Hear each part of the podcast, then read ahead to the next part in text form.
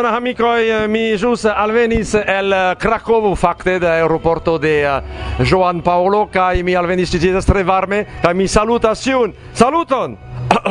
Parolis homo. Varsovia vento.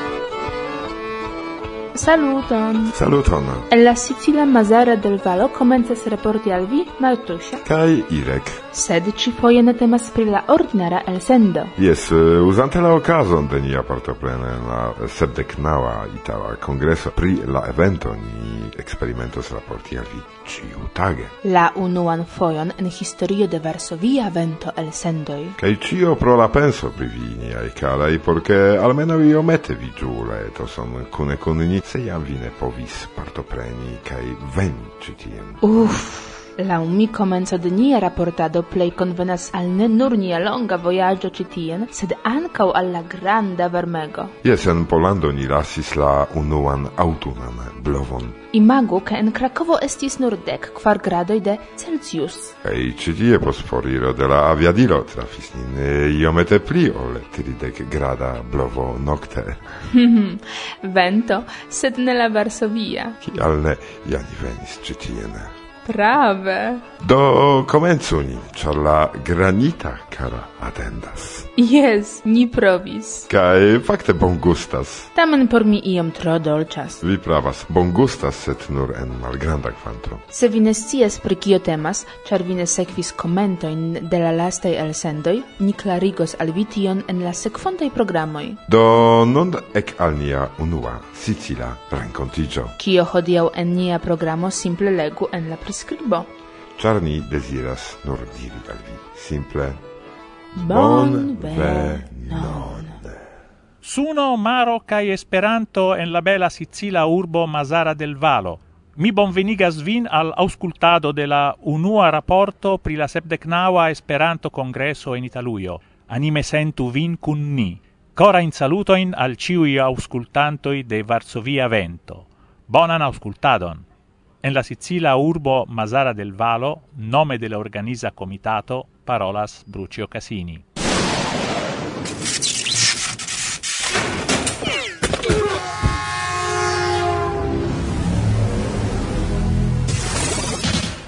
Nun ni havas plezuron renkontigi kun la urbestro de Mazara del Valo, signoro Nicolo Cristaldi. Saluton!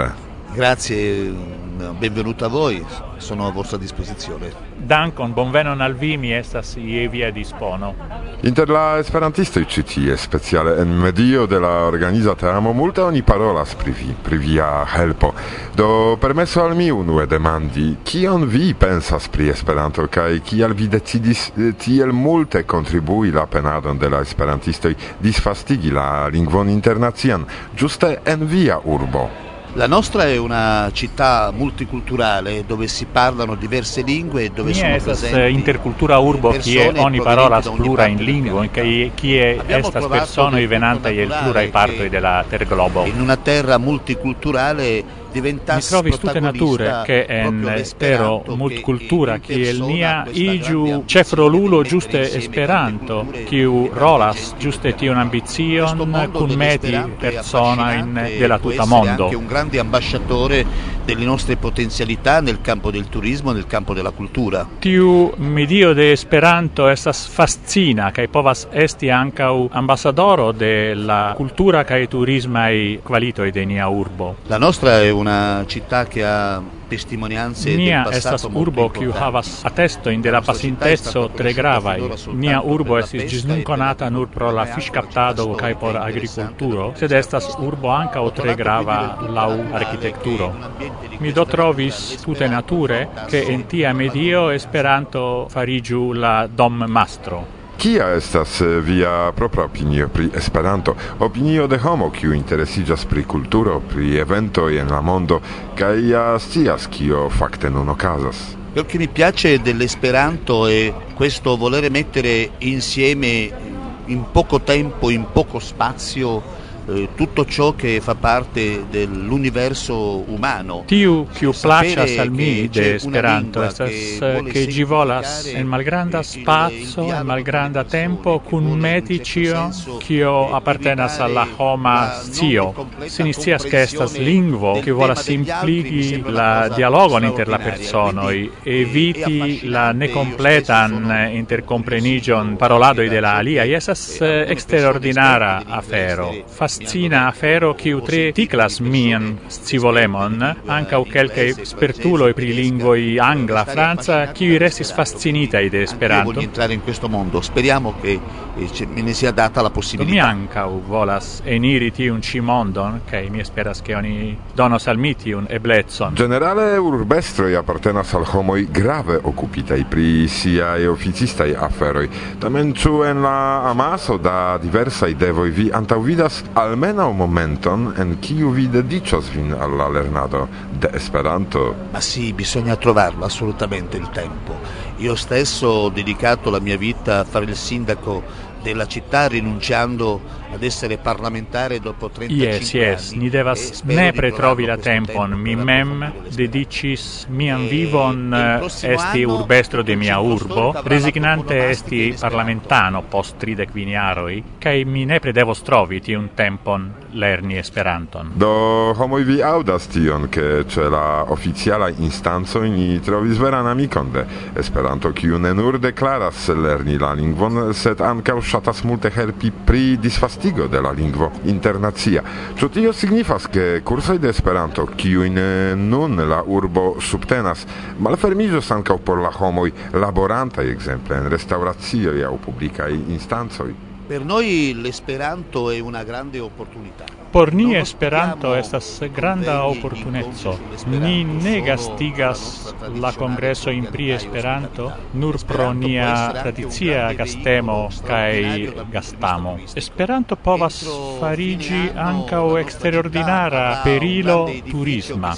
Gis la fino de la jaro, nia urbo havos grandan construajon kiu nomijos intercultura centro. Kai ni pensas che ni donu al Esperanto ene de tiu tiu eh, de tiu centro, unu flancan rolon. Tiu centro permesso al eh, ni amplexigi la iniziato in cui gis nun iam organisis La sperto mallonga, qui ni havis cum quelca lerneioi, devas esti ripetita cae amplexigita. Cae crom la disvastigo de la lingua in la lerneioi, ni ancao imagas che ni devas arrangi che eblu eniri restaurazion cae mendi en Esperanto. Eh, mi rimarchi sur strate che vi havas vere malferman kai amican rilaton alla logianto de Mazara do non ancam ancora vi ne povas esprimi vin en esperanto. Vi povas malfermi vi ancoron antaula esperantisto de la tuta mondo kiu non auscultas la programon. Kai diri ion alili ne kiel oficisto ne kiel urbestro sed kiel tuta ordinara logianto de Mazara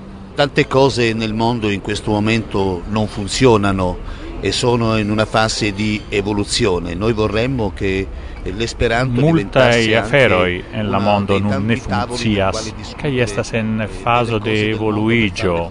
Mi volus che Esperanto farigiu anca uno e la plura tablo e en kiwi discuti pri la aferoi de la mondo, tie che ili pli bone funziu che ni estu pli tranquillae, che la cun laboro, cae la liberezzo, povus disvastigi ne nur en la individuoi, sed anca en la Sozzioli. A volte la parola diventa incomprensibile, la vorto i estas grava i mi ne credas che la mondo povas changigi sen vorto i foie vorto farigias ne comprenebla portas anca o al ne comprenigio esperanto havas tiu granda desiro esti internazia lingvo che in tre besonas tion. Ni esperas che la vorto che non i diro se Masara del Valo resonu tra la tuta mondo. Bene un saluto a tutti un abbraccio Bone, saluton al ciui, cae bracumon al ciui. Mi povas nur bedauri, che mancas vi, carai auscultantoi, dum interparolo con uno e la plei simpatiai cae malfermai urbestroi, cium gis nun mi rencontis cae organizinte calcain esperantistain eventoi iom da ja ilin mi ekkonis. Do giu almeno sonon de tiu rencontigio, ciu ocasas en ordinara cafeo, sur strate, en ombro compreneble, char dauras citie varmega cae suna somero. Dankon signor Nicolo pro intervjuo. Spero proprio che questo incontro sia il primo di una Mi vere lunga serie. speras e che spero tiu ci che rencontigio l'Esperanto estu la unua el longa serio, che mi esperas che Esperanto restu heima ce nia urbo, e nia iniziato ni reconsideros positive tiu in ci rencontigio. invitare l'Esperanto nella sua organizzazione Mi volas nella sua capti la ocasion eh, por inviti Esperanton kaj ĝiaj organizoj consideri la gastemon de nia urbo, che ci povu gastigi la tutmondan rencontigion de la junuloj en 2000 per ospitare. Danko.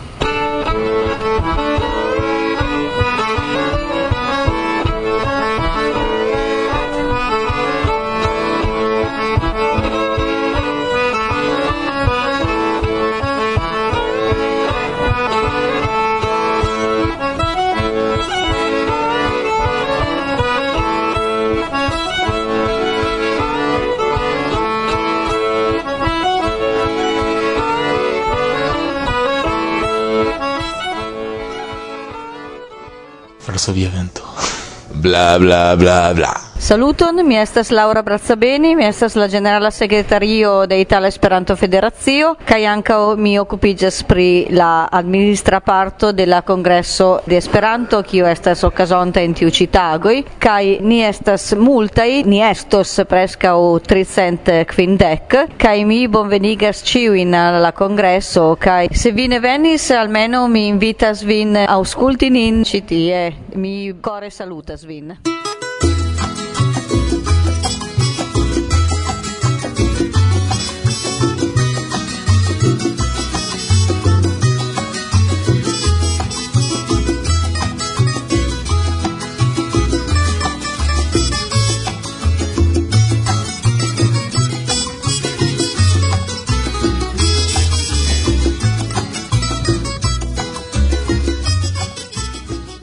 Corso via vento. Saluton al vi. Mi estas Davide Astori, mi laboras en la Universitato de Parma in Italio. Mi prelegis hodiaŭ pri la idealaj radikoj de la Esperanto movado. Kion celis via prelego, char gi estis en la itala, ne en Esperanto, do tiam esperantistoj kiuj venis ne komprenis vin, ekzemple mi. Do kion celis la prelego en la itala lingvo?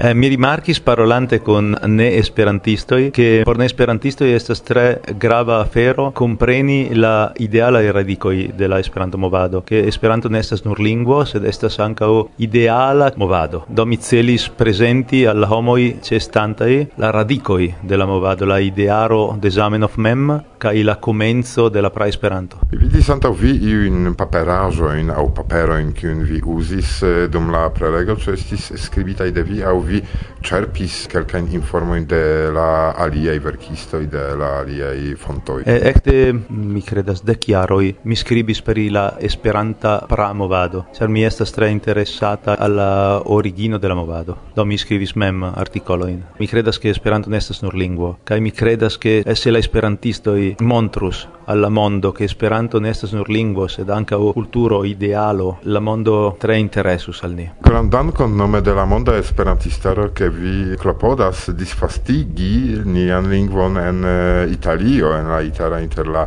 italoj, do mi kiel esperantisto dankas al vi, do sa Zamenhof farus same, mi pensas, ĉu ne? Mi dankas al vi por via agado en la Esperanta mondo, al via radio kaj eh, al via agado generale. Dankon, dankon. Ciao.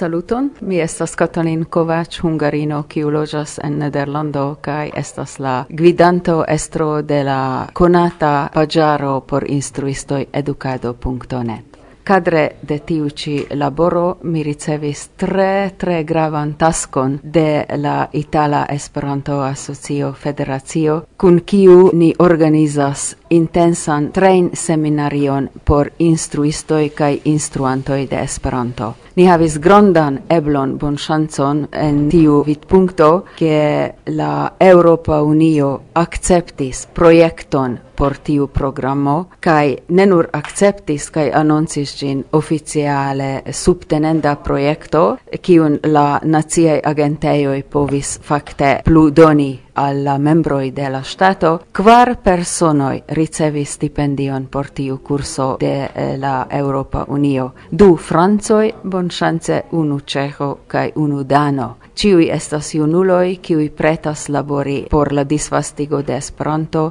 pretas ricevi kvardek quindec horan intensan treinadon pri metodologio kaj lingvo instruado, kiu plej parte okazas en Esperanto, sed iom ankaŭ en la naciaj lingvoj ke estu subtenandaj de eh, la eh, europa Unio. Tiu lingvo politika gronda venko donis la eblon organizi tiun semainon dum la Itala Kongreso. Ni komencis nian laboron jam du tagoin antaŭ ol la vera congresso comencigas kai ni plene laboris. hodio kai morgo laboros por fari almeno dudek horan seminarion kai en la resto de la semaino ni laboros tage kvar kvin horoin kai partoprenos la programon. Krom tiui kvar personoi, du Franzoi, dano cae ceho, aligis alla cursaro propra coste, sen finanzoi, ancora facte unu Franzo cae alia persono. Do mi havas sep personoin, kvar junain kai du iom pli agiain por che mi ne estu la avino de la gruppo kai ni tre bone tre intense laboras. Ni trastudas metodologion el teoria vid punto ni faras plurain exerzoin ni preparas diversain programmoin por semajnfinaj kursoj, mallongaj varblezionoj kaj tiel plu.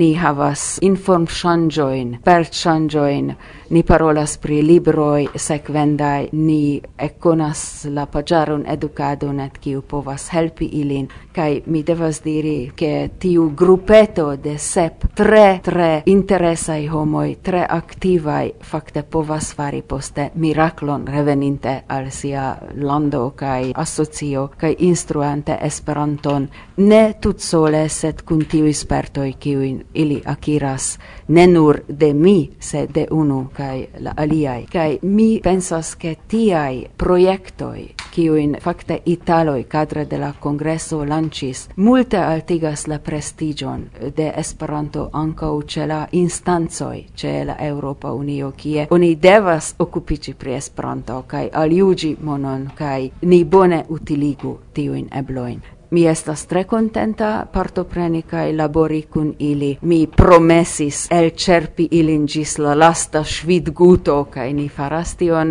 ankaŭ en tiu varmo kaj miaj gratuloj kaj dankoj iru al la organizantoj de la evento de la projekto kaj ankaŭ al tiuj partoprenantoj kiuj kune kun mi plene laboras kaj voras akiri multajn konojn. Ĉu kadre de ĉiutagaj elsendoj pri ĉiutagaj raportoj pri la Itala congresso mi raito peti vin poste de nove paroli pri la rezultoj de tiu ci seminario un tempo occaso Certe mi volonte raportos kaj diros ĉu la revoj kai la prano realigis o ni eĉ plu laboris kaj mi volonte raportos poste anco pri la ker examenoi se vi permesas. Comprene pri yes mi salutas ciuin kai esperas havi similain aranjoin en alia jaroj kai partopreni kai helpi en la trejnado de bonaj Esperanto instruistoj.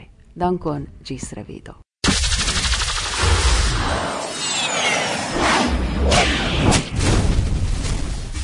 Manjo estis bonega, sed dauris tro longa. Hodiaŭ kompreneble okazis eh, pli multe, sed eh, ne ĉie ni povis esti. Morgaŭ ni provos viziti multe pli, kio nur al ni eblos. Kaj tio ne facilas, kompreneble, ĉar eh, dume okazas diversaj paralelaj programeroj. Do aŭskultu nin morgaŭ. Ĉion bonan al vi. Ci...